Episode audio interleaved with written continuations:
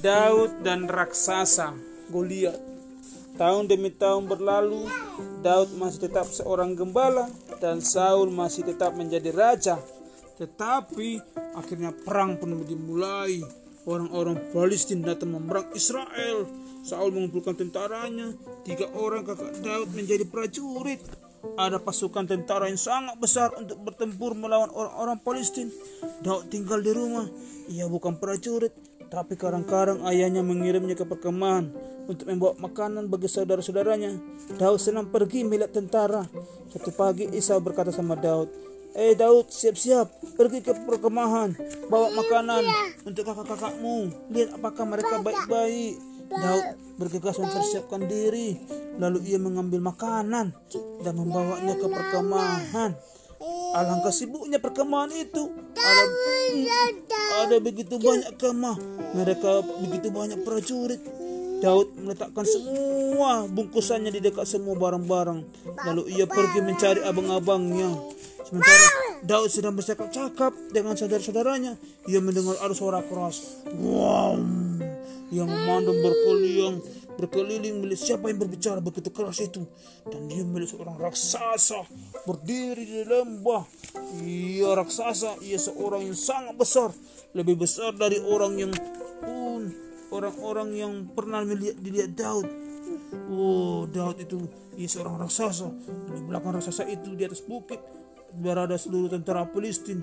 Raksasa besar itu sedang bicara. Daud mendengarkannya. Kata raksasa itu, Hei kalian, kirim seorang melawan aku. Jika salah satu di antara orang-orangmu dapat melawan aku, aku dan dapat membunuhku, kami semua akan jadi hambamu. Lalu ia tertawa dan berkata, kami tidak berani, kamu tidak berani, tidak seorang pun di antara kamu yang berani melawan aku.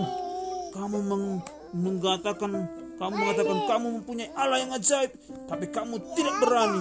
Datang lawan aku dibilangnya. Wow. Saudara-saudara itu semuanya gemetar ketika mereka mendengar raksasa itu bicara. Mereka geleng-geleng kepala kata mereka, "Ih, dengarkan kepadanya. Itu adalah Goliat. Dia pagi ia keluar. Dia mengatakan hal-hal yang sama. Tidak seorang pun yang berani melawan dia." Daud bertanya, "Hei, mengapa tidak seorang pun bisa melawan dia?" Saudara-saudara itu mentertawakan Daud. Kata mereka, "Apa? Apakah engkau tidak melihat tumbaknya yang besar, pedangnya yang besar? Mengapa ia seorang raksasa yang besar? Dia langsung akan membunuh kita semua." Tapi Daud berkata, "Kita adalah umat Allah. Tidak adakah orang yang berani melawan raksasa ini, mengolok-olok Allah?"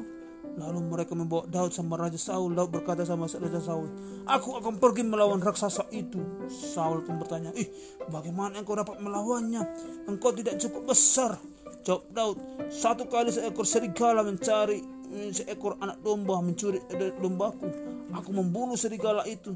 Kali yang lain ada seekor singa mencuri seekor anak dombaku. Aku bunuh singa itu. Allah melindungiku saat itu. Ya pasti akan menolongku membunuh raksasa itu. Lalu Saul memberitahu Daud bahwa ia boleh pergi melawan raksasa itu. Daud pun pergi ke sungai ber, berlebih dahulu. Ia mengambil lima buah batu. Ia ambil ketapel lalu ia menemui raksasa itu. Raksasa itu melihat Daud datang dan dia tertawa. Hehehe. Bagaimana seorang anak laki-laki yang begitu mudah dapat melawan seorang yang demikian besar? Kulit raksasa itu pun berkata sama Daud, Apakah kau pikir aku ini seekor anjing? Jawab Daud, Aku datang di dalam nama Allah dibilangnya. Lalu Daud menaruh sebuah batu di ketapelnya. Ia berlari dan dia dan dia melontarkan batu itu di badannya. Dan dia meng, dan dia mengenai kepalanya.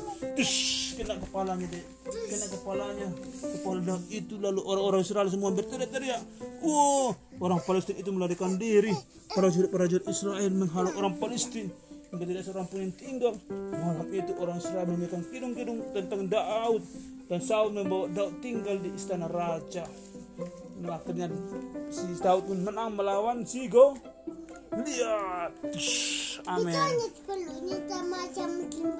Iya, karena dia masuk dari ke bahasa udah ini cuy.